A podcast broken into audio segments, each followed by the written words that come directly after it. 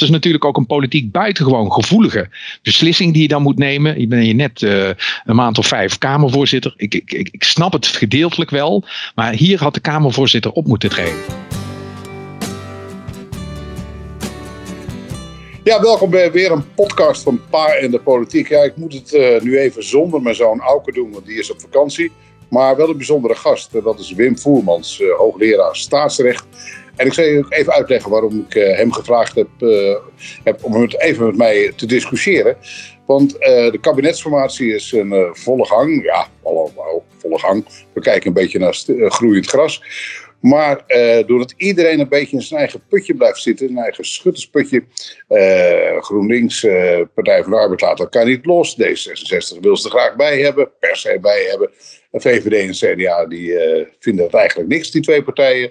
En de D66 heeft gezegd, nou ja, met de ChristenUnie, dat gaan we niet doen. Dus het zit eigenlijk vast. En daarom mijn pleidooi vorige week op televisie en ook op de radio, of pleidooi, maar de kansen inschattend van nou dan moeten we misschien gewoon toe naar een minderheidskabinet. En Wim Voermans die reageerde erop van nou, is dat nou een heel goed idee? Zei hij tegen mij op Twitter. Vandaar dat ik hem gevraagd heb uh, ja, om met mij even te discussiëren over zo'n minderheidskabinet. Is dat een goed plan? Ik denk dat het zou kunnen. Hij kijkt er iets anders tegenaan. Wim, welkom. Blij om het te zijn, Frits. Ja, ja. ja. jij vond het niet zo'n heel uh, geweldig idee, hè? Minderheidskabinet. Nou, de, de, de, bekijk dat tegen de achtergrond van uh, ja, de overlevingskansen uh, van minderheidskabinetten. ik ben helemaal niet tegen een minderheidskabinet als zodanig. Je zou kunnen zeggen wat jij toen ook zei in die uitzending is goed voor dualisme.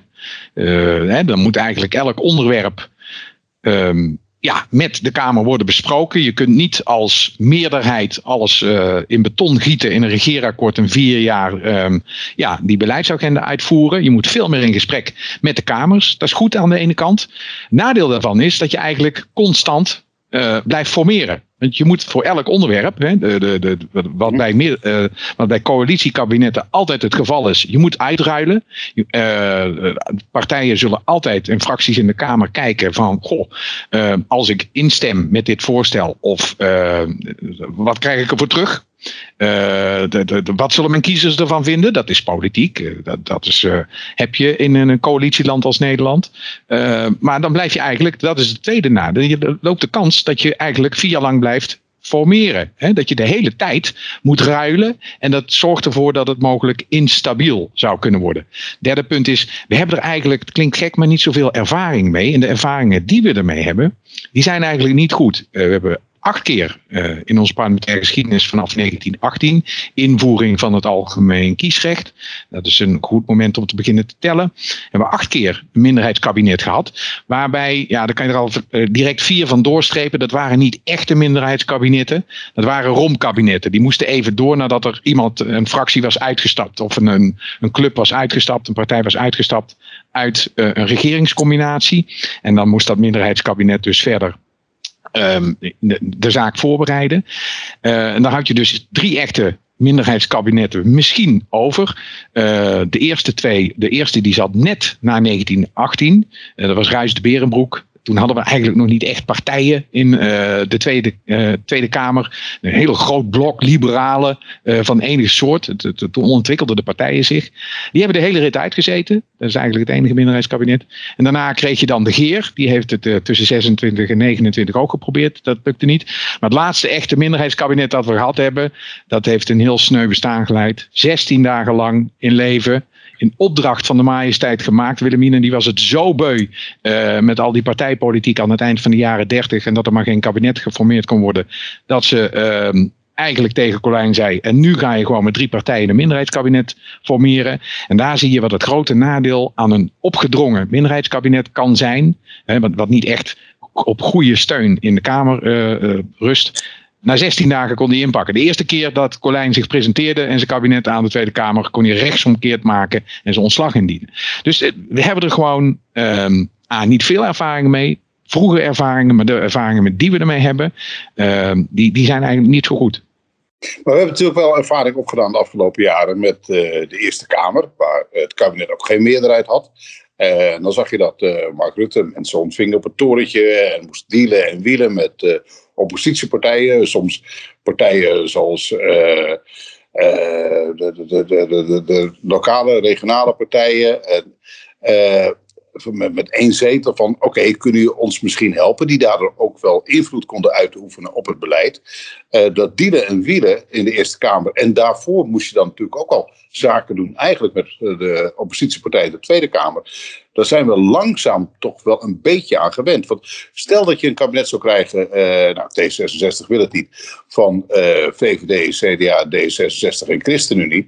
Nou, dan heb je ook geen meerderheid in de Eerste Kamer. Moet je ook weer dealen en wielen in die Tweede Kamer met andere oppositiepartijen om belangrijke grote wetsvoorstellen uh, er daar doorheen te krijgen.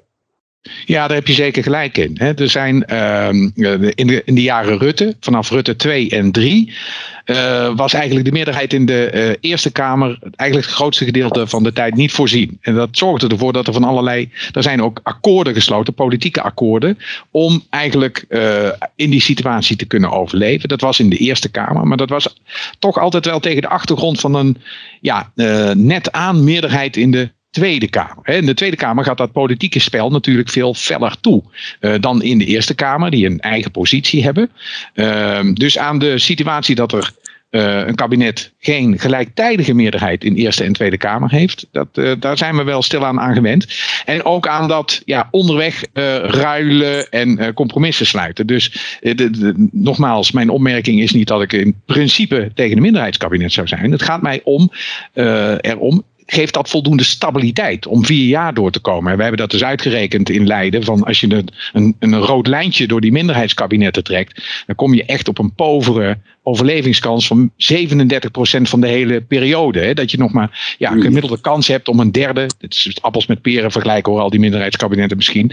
Maar die hebben wel een hele slechte kans. Ongeveer de helft van wat een gewoon kabinet, een parlementair meerderheidskabinet heeft. Dus dat is wel iets waar ze over na moeten denken. En mijn punt dat ik ook maakte in die tweet naar jou. Ik ben niet tegen een minderheidskabinet. En het kan ook wel eens lukken.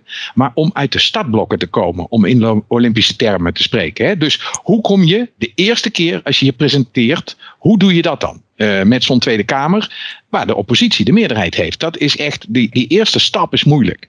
En je kunt daar wel vormen van gedoogsteun organiseren. Dat je zegt in het eerste jaar, uh, wij zijn een kabinet uh, van de vier partijen die je zojuist noemde, VVD, D66, CDA, ChristenUnie bijvoorbeeld. Geen meerderheid in de Tweede Kamer, of twee de, de, eerste Kamer. de Eerste Kamer. Maar wel in de uh, Tweede Kamer, dat zou je kunnen proberen. Zelf zou je kunnen proberen zonder uh, de ChristenUnie. Dan hou je er 73 uh, over. Dan heb je maar twee zetels tekort. Nou, dan zou je een gelegenheidsafspraak kunnen maken voor een jaar lang met een paar partijen. We hadden toen in Rutte 2 ook die constructieve oppositie. Zo'n soort constructie zou je kunnen hebben. Dan kun je in ieder geval uit de startblokken komen, in ieder geval. Want dat zal het ingewikkeld zijn. Dat je niet direct in het mes loopt van de oppositie van de Tweede Kamer. Uh, en, en, en, ja, dat zal het kunstje zijn. Maar uh, ja, ik ben benieuwd ja, of dat gaat lukken. Het is lastig, maar ik denk zelf, kijk, als je kijkt naar het, het, het hele politieke speelveld is nu heel gefragmenteerd. Uh, daar hebben we met de dieren en de wielen op dit moment. Uh, dat onze grote, zeg maar, mainstream partijen. Uh, nou, zo groot zijn sommige niet meer, maar ook de Partij van de Arbeid en GroenLinks, uh, zeker de ChristenUnie, SGP, niet zo onverantwoordelijk zullen zijn om meteen te zeggen: nou, oké, okay, minderheidskabinet, nou, ga meteen maar weer naar huis uh, bij een bepaald wetsvoorstel of een bepaald iets. Omdat ze toch ook wel doorhebben, we kunnen in die Tweede Kamer, ook al regeren we niet echt mee, heel veel invloed kun, uit kunnen oefenen op dat beleid. dingen binnen kunnen halen. Je legt het ja, debat terug in de Tweede Kamer. Niet alles in achterkamertjes, gewoon zaken doen in de Tweede Kamer. Kabinet niet meteen uh, lopen te, te, miepen als iets een keertje niet haalt. Maar dat die partijen niet meteen uh, het kabinet naar huis zullen sturen bij het minste of geringste. Ondanks dat we een paar parlementaire enquêtes krijgen zometeen. Ja, Nee, ik, ik, snap het wel. Maar de, de, kijk, het, het, punt is ook wat je terecht benoemt. Uh, we hebben dus uh, verschil van grootte van mogelijke coalitiepartners, nu ook al. Dus op het moment um, dat je zou besluiten tot een minderheidskabinet, laten we eens uh, dat, dat, nemen, VVD, D66, CDA. Um, we zitten nu in een fluïde formatieproces. Dan zullen de linkse partijen denken: ja, luister eens even, wij hadden een kans om mee te doen dat is hè, de, de, de, beste kans om te verzilveren wat kiezers eigenlijk wilden, is op het moment van het aangaan van een regeerakkoord. Dan ben jij de meest serieuze zware partner aan tafel. Dan tellen namelijk niet de normale uh, de, de, verhoudingen en getalsverhoudingen in de Tweede Kamer. Dan kan jij jouw voetafdruk veel groter maken. Kijk naar de ChristenUnie, wat ze afgelopen uh, vier jaar hebben gedaan. Het moment is dus om dat te doen in het regeerakkoord. Als je iets wil voor je, eh, terug wil doen voor je kiezers en zeggen: luister, dit hebben wij beloofd in ons uh, programma. Uh, jullie hebben op ons gestemd en dit brengen we naar huis. Het moment om dat duidelijk te maken is in een regeerakkoord. Dat is veel moeilijker uit de oppositie. Als je zegt, uh, waar het zo in een neutrale situatie, waar geen context was, uh, dan ben ik het helemaal met je eens. De, dan, dan, kun je gewoon wielen en dealen en er doorheen komen. En waarom zou je nou het kabinet willen laten strijkelen? Nou, er kon wel eens aardig chagrijn zitten bij een aantal partijen of blokken, bijvoorbeeld PvdA en GroenLinks. Waarom zouden die um, niet mee mogen omdat ze te links zijn in het regeerakkoord, maar dan wel mogen tekenen voor, bij het kruisje uh, voor, voor maatregelen die niet te hunne waren. Hè? Dus de, de, de, de invloed die ze uit kunnen oefenen op het beleid, dus dat ja, eigenlijk die grote afspraak in een regeerakkoord, die is eigenlijk veel meer waard dan wat je uit de oppositie kan bereiken. Je kunt weliswaar in de oppositie ook nog wel wat bereiken, maar je bent de macht van het initiatief kwijt en de getalsverhoudingen zorgen ervoor dat jij er slechter voor staat dan wanneer jij in een regeringscombinatie meegaat. Want daar kan je je voetafdruk veel groter maken dan in, uh, ja, gewoon in het gaande bedrijf in de verhouding tussen kabinet en Tweede Kamer. Ja, dat is ook de reden waarom uh, vooral de VVD ook zegt: ja, minderheidskabinet uh, liever niet. We willen vooral naar een meerderheidskabinet, omdat we hele grote dingen moeten doen de komende jaren. Maar ja, zoals, zolang iedereen een ander blijft uitsluiten, of een combinatie van anderen blijft uitsluiten, ja, dan kom je dus geen stap verder. Dan zou dit dus een mogelijk, mogelijkheid eventueel kunnen zijn. waarbij die partijen dan ook niet gebonden zijn aan zo'n regeerakkoord. En dus ook wel wat vrije handen hebben. En dan via onderhandelingen iedere keer weer en zaken doen in die Tweede Kamer. Uh, ja, nou, naar believen mee kunnen stemmen of niet. Dus ze hoeven ook geen compromis op voorhand te sluiten, waar de achterban het misschien helemaal niet mee eens is. Want als het kabinet over de andere boeg een keertje zaken gaat doen, nou, dan ben je niet verantwoordelijk, heb je lekker je handen vrij. Nou, dat zou in ieder geval, hè, de, als het zou kunnen lukken, dan zou het ook met een klein regeerakkoord moeten. Want anders hebben de anderen te weinig ruimte. Daar hebben we zojuist even ja, over. Dan moet je echt op hoofdlijnen. Echt, hè? Precies, op hoofdlijnen. Maar dat is nu het grote probleem. Met de grote hervormingen die nu nodig zijn. Uh, klimaat, woningmarkt. En uh, dat kan je niet op hoofdlijnen inzetten. Dat, dat is heel lastig. Daar zul je echt voorafgaand goede afspraken over moeten hebben. Want er zijn partijen toch zo verdeeld over dat daar eigenlijk wel iets van een goede kernafspraak moet zitten. Dus het is een beetje opt-in of opt-out. Uh, ik zou denken dat als dit kabinet, wat er mogelijk aan zit te komen, echt zaken wil gaan doen op klimaat en wonen en de grote dossiers ja, dan, dan is het om de baard des keizers of het een minderheids- of een meerderheidskabinet wordt. Die afspraken zul je moeten maken. Nou, en daarvan denk ik ook dat, um, ik, denk dat de strategische huiveren, want zo zie ik hem toch van de VVD tegen dat linkse blok, is ook een beetje machtspolitiek als ik het gewoon bekijk, om ze misschien een toontje lager te laten zingen. Uh, ik, de, de, de, de, de Volkskrant schreef deze week ook, uh, gisteren zelfs nog, en daar was ik wel erg mee eens. Het gaat er nu niet meer om uh, wat erin staat, maar de, de, de, de, wat heet de blame game, het verwijtenspel begint nu. Wie haakt er af? Die krijgt de Zwarte Piet uh, toegespeeld. Uh, daar is iedereen heel huiverig voor. Dat gebeurde Jesse Klaver uh, natuurlijk, zo'n jaar of vier geleden. dat wil niemand. ook de ChristenUnie blijft erbij en aanhangen. Ook om yes, te laten zien ja, dat ze constructief zijn. Dus ik ben nog niet zo negatief over de kansen uh, op een meerderheidskabinet. Uh, alleen, ik denk dat, dat iedereen dat, probeert. Ja.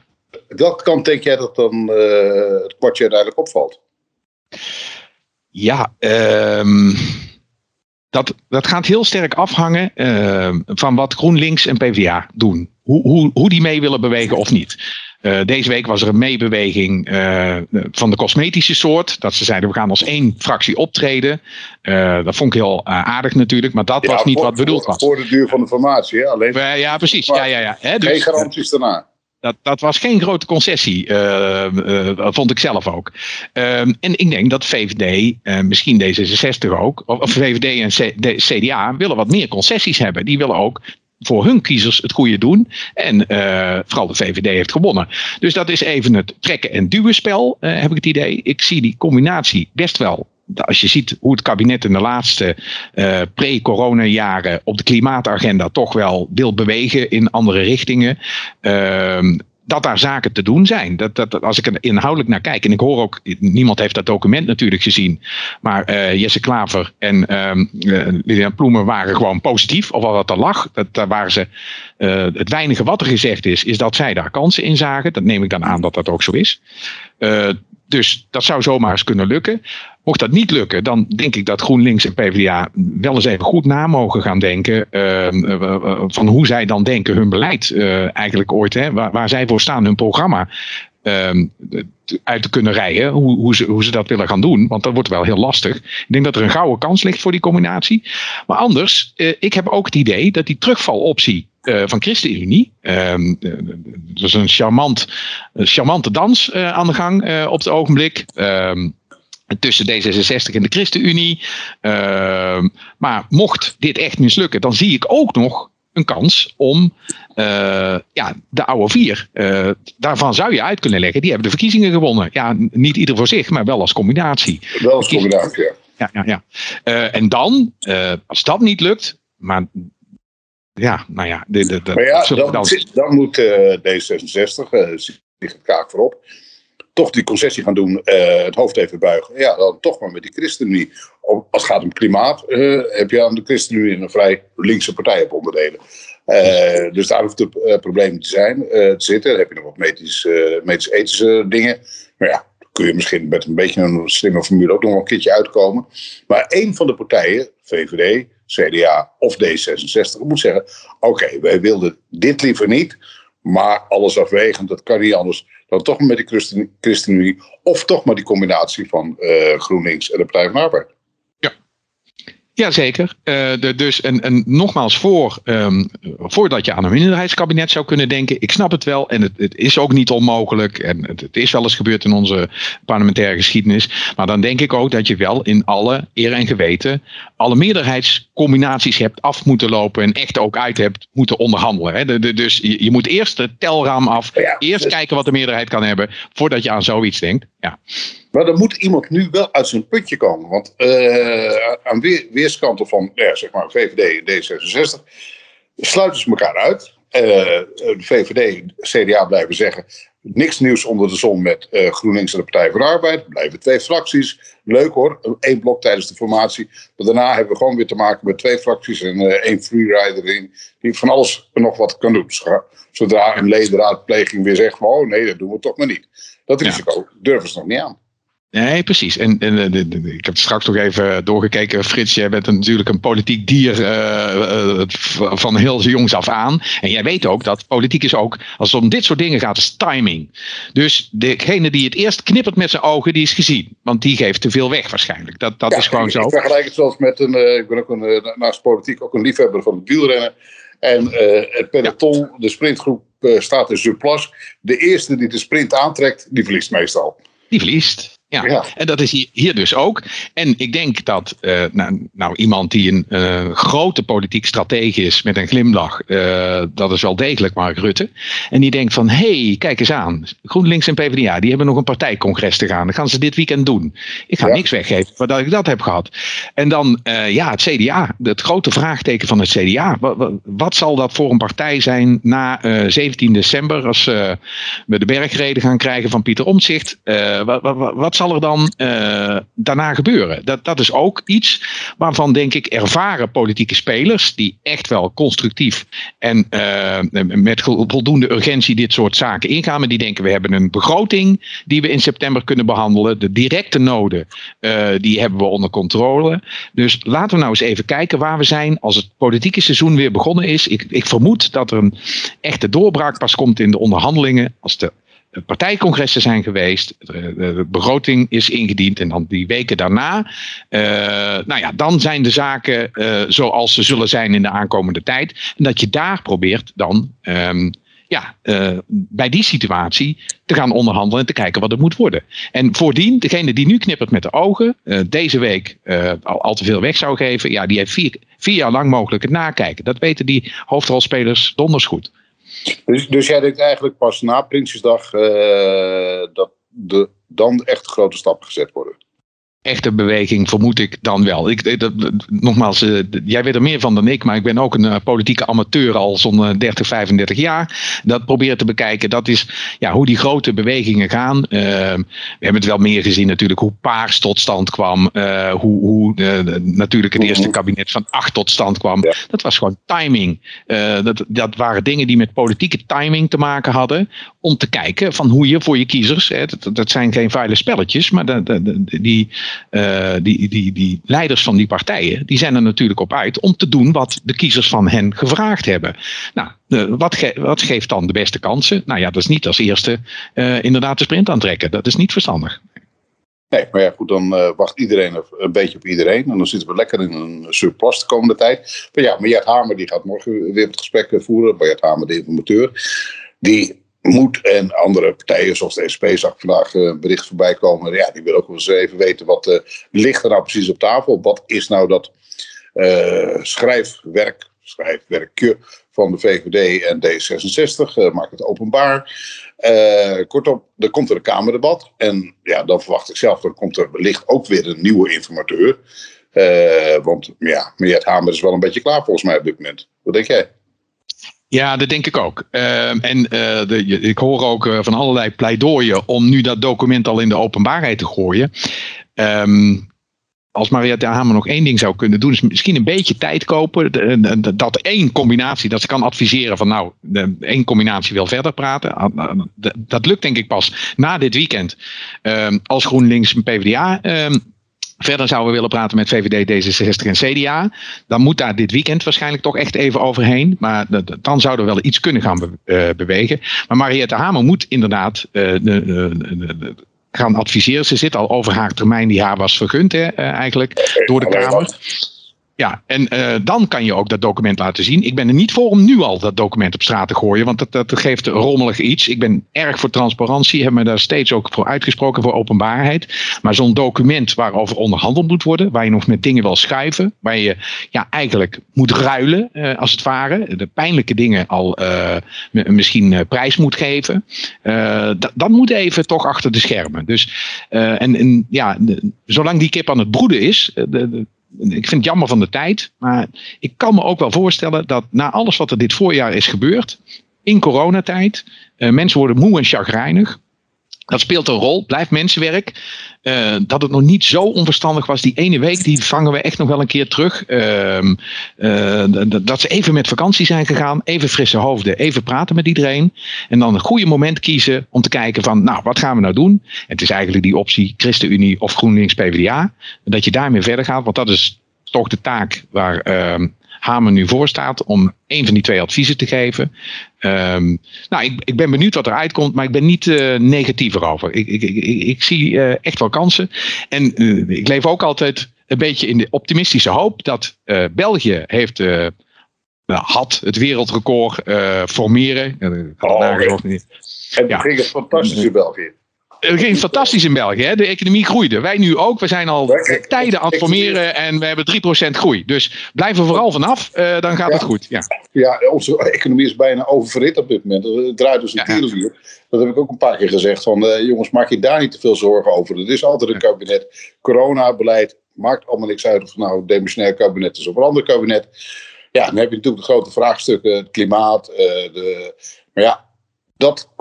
Hoe, gek dat misschien ook klinkt, dat is een, uh, een, probleem van decennia, misschien wel eeuwen.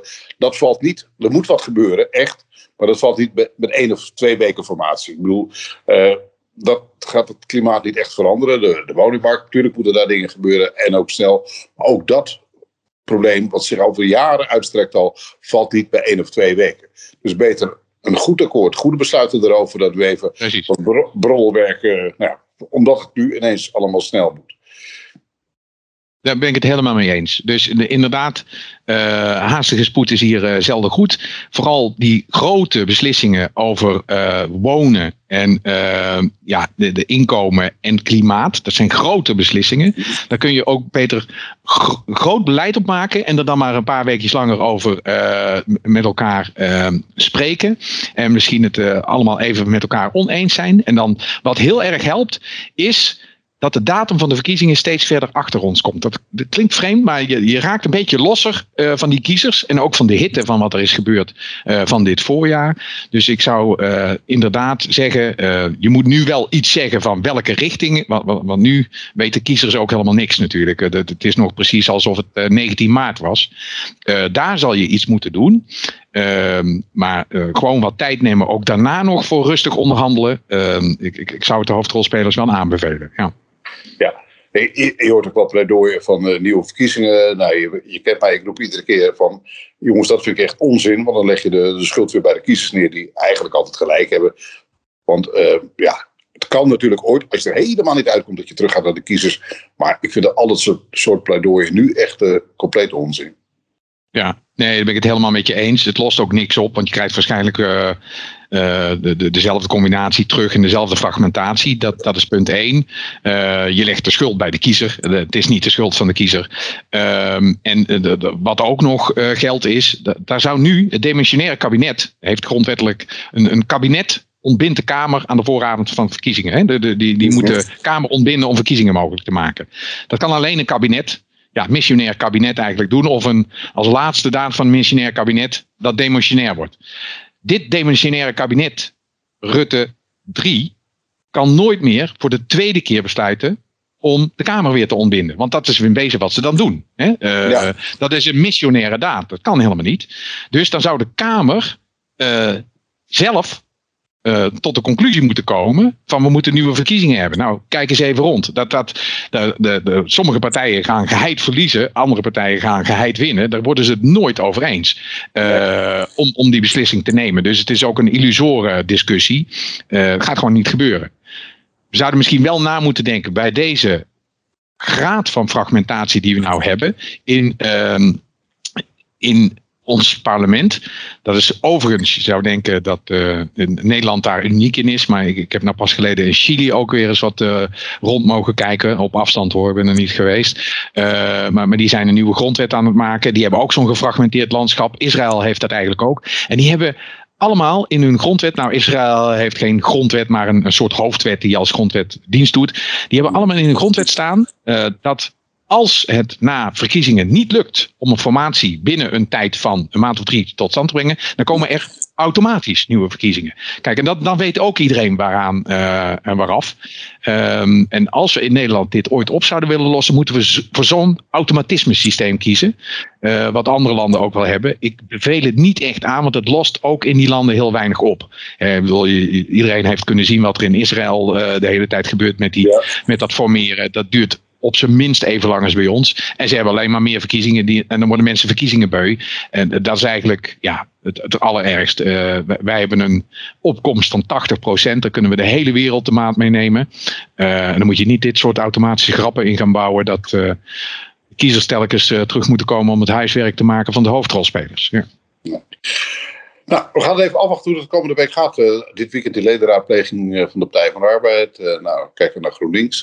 ik ben ook met jou heel benieuwd hoe het zich de komende dagen gaat ontwikkelen. Even nog ander dingetje, Wim, als mag. Er is ook wat gedoe geweest over het benoemen van nieuwe bewindslieden in een demissionaire periode. Die tevens Kamerlid blijven. Ja. inmiddels advies gevraagd aan de Raad van State, aan jou als staatsrechtgeleerde en collega's. Uh, even misschien heel kort uitleggen. Uh, op het moment dat een kabinet, na verkiezingen wordt een kabinet demissionair. Iemand staat op een lijst. Nee, neem even voor het gemak Mark Rutte. Die is dan daarna Kamerlid. Die is demissionair premier voor de duur van de formatie. Nu hebben wij het probleem dat een aantal bewindslieden om wat voor reden er ook zijn uitgevallen. Door burn-outs of andere lichamelijke of fysieke klachten, andere klachten. Dan worden er tijdelijk andere bewindslieden benoemd. die ook Kamerlid zijn uh, voor de duur van de formatie in een demissionaire periode. En eigenlijk hebben we dit nog nooit op deze manier meegemaakt. Hoe kijk jij er tegenaan? Kan het wel, kan het niet? Nee, dat kan niet. Deze drie nieuwe uh, staatssecretarissen. Um, dat gaat dan over Dinal, uh, Dilan Jetselguc, uh, ja. uh, Wiersma en Van Wijenberg, als ik het ja. goed zie. Um, die kunnen niet ook Kamerlid blijven. En dat heeft ermee te maken, je noemde het zelf al, on, onze grondwet, ja mijn vak, sorry dat ik er af en toe mee aankom nee, deuren. Nee, nee, die, zegt, die, die, die, die zegt in een artikel dat je kunt niet gelijktijdig Kamerlid en minister of staatssecretaris zijn. Dat kan niet. Er is één uitzondering, en die noemde je net. Uh, er staat in artikel 57, derde lid, voor degene die het na willen zoeken. Die zeggen dat, die, die uitzondering zegt dat voor um, ministers en staatssecretarissen, nou komt de tekst heel nauw, die hun uh, ambt ter beschikking hebben gesteld. Hè, die dimensionair zijn. Die hebben dus hun ambt ter beschikking gesteld. Iets wat in het verleden is gebeurd. Als ze dat hebben gedaan, dan kunnen ze na de verkiezingen ook nog even Kamerlid blijven, totdat er over die ter beschikkingbestelling wordt beslist. En dat is dus, er komt een nieuw kabinet met een hele nieuwe ploeg. Nu is het zo dat bij deze mensen met de gezondheidsproblemen heeft de koning het ontslag aanvaard. Over die ter beschikkingbestelling uh, is beslist. Dus deze de staatssecretarissen zijn, uh, ja, die, die, die willen wel een demissionaire staats aan noemen, maar zijn nieuw benoemd. En dat mag dus niet van de grondwet. Nou, uh, daar is wat discussie over. maar er is nog een ander artikel, en dat is veel belangrijker. dat, dat laat ook zien dat deze drie staatssecretarissen niet verder kunnen. Dat is artikel X van Xantippe, X3 van onze kieswet. En dat zegt dat de minister of staatssecretaris, die wordt benoemd. Um, daarvan is het Kamerlidmaatschap van rechtswegen vervallen. Dus als je nieuw wordt benoemd, en dat zijn dus Jesse Gutsch, uh, Wiersma en Verwijnberg. Uh, dan ben je van rechtswegen geen Tweede Kamerlid meer. En we kunnen vinden de interpretatiekwestie uh, die er zou zijn, zou over de grondwet gaan. Artikel 57 derde lid en hoe dat gelezen moet worden. Rutte gaf daar wel een heel flauw antwoord op. Die zei van, nou volgens ons kan het wel. Dat antwoordde die de Kamer op nadat wij kritiek hadden ge, gehad daarop. Ehm, ik heb een boek geschreven, het land moet bestuurd worden. Dat is nou typisch de bestuurlijke cultuur. Gewoon zeggen, ja, politieke feiten maken kan wel. Ja, dan houdt het op. Hè, als de, uh, maar nou heeft de Kamer toch wel uh, vanwege zorgen advies gevraagd aan de Raad van State. Nou, je zou nog een beetje kunnen twisten over moet je dat artikel 57, derde lid van onze grondwet, over die ter beschikkingstelling wel zo letterlijk lezen. Maar je kunt absoluut niet om artikel X3 van de kieswet heen. Die zegt gewoon, ja, toen jullie dat aanvaarden, dat ambt, is je Kamerlidmaatschap van rechtswegen vervallen. En daar, uh, dat, dat zal nog wel een, als een haar in de keel blijven steken. Uh, maar ze zijn dus gewoon van rechtswegen geen Kamerlid meer. En daar kun je echt niet omheen. Maar Wim, als jij nu zegt dat zij eigenlijk geen Kamerlid tegelijkertijd kunnen zijn. Er is inmiddels over een aantal dingen gestemd. Hoe zit dat dan?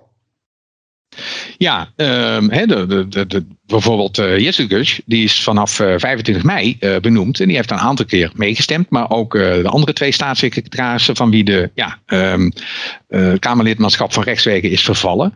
Um, dat, dat, dan zou je kunnen zeggen van ja, goh, die stemmingen zijn dan ongeldig. Nou heeft de Hoge Raad zich daar in 1961 al eens een keer over gebogen. En eigenlijk is heel verstandig gezegd, die zegt van ja, als een Kamerlid bijvoorbeeld een onrechte uh, lid is geweest van de Tweede Kamer. Dat kan gebeuren. Of als er een stemming, een procedure verkeerd is uitgevoerd. Wat moet daar nou van het gevolg zijn? Nou, eigenlijk doen ze dat net zoals bij de KNVB uh, bij voetballen. Uh, heeft de Hoge Raad toen besloten. Luister eens even. Als we vaststellen dat in de eerste helft de bal toch over de lijn was geweest. bij een 1-0 stand, eindstand. Dan gaan we die eindstand niet meer ver veranderen. De, de, de wedstrijd is gespeeld. De scheidsrechter heeft daar en dan toen gezegd. Luister eens even Ehm, zo heb ik de uitslag gezien. En die staat dan ook. De napleiten kan dan niet. Daar is echter één uitzondering op.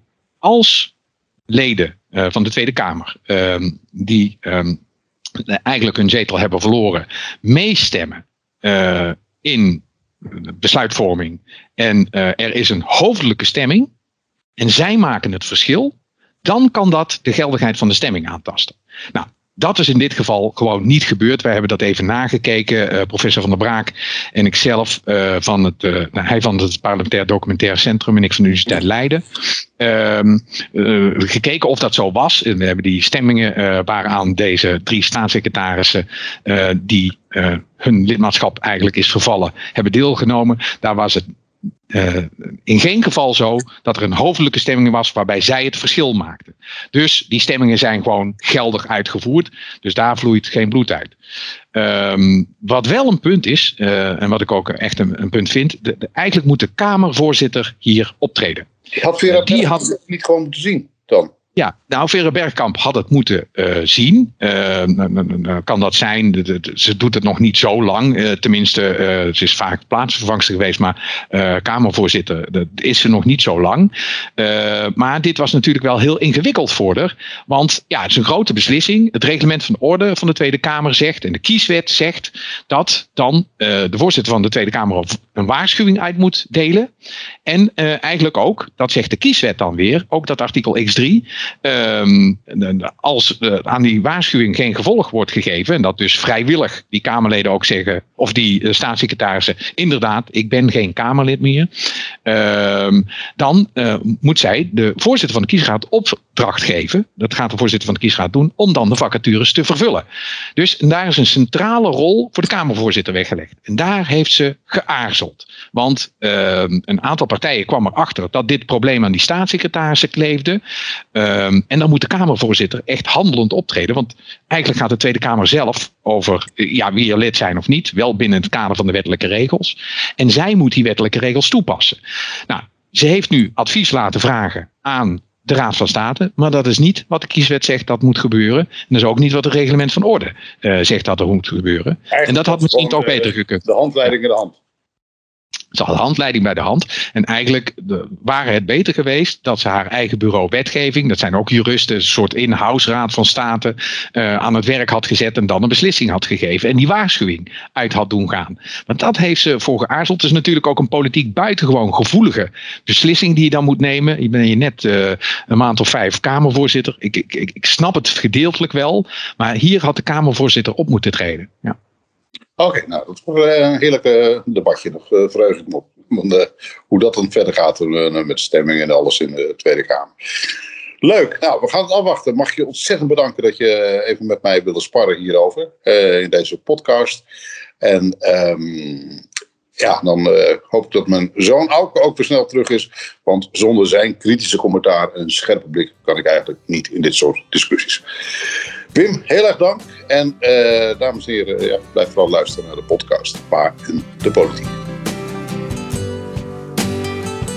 Abonneer je nu via je favoriete podcast app, zodat je geen enkele aflevering hoeft te missen.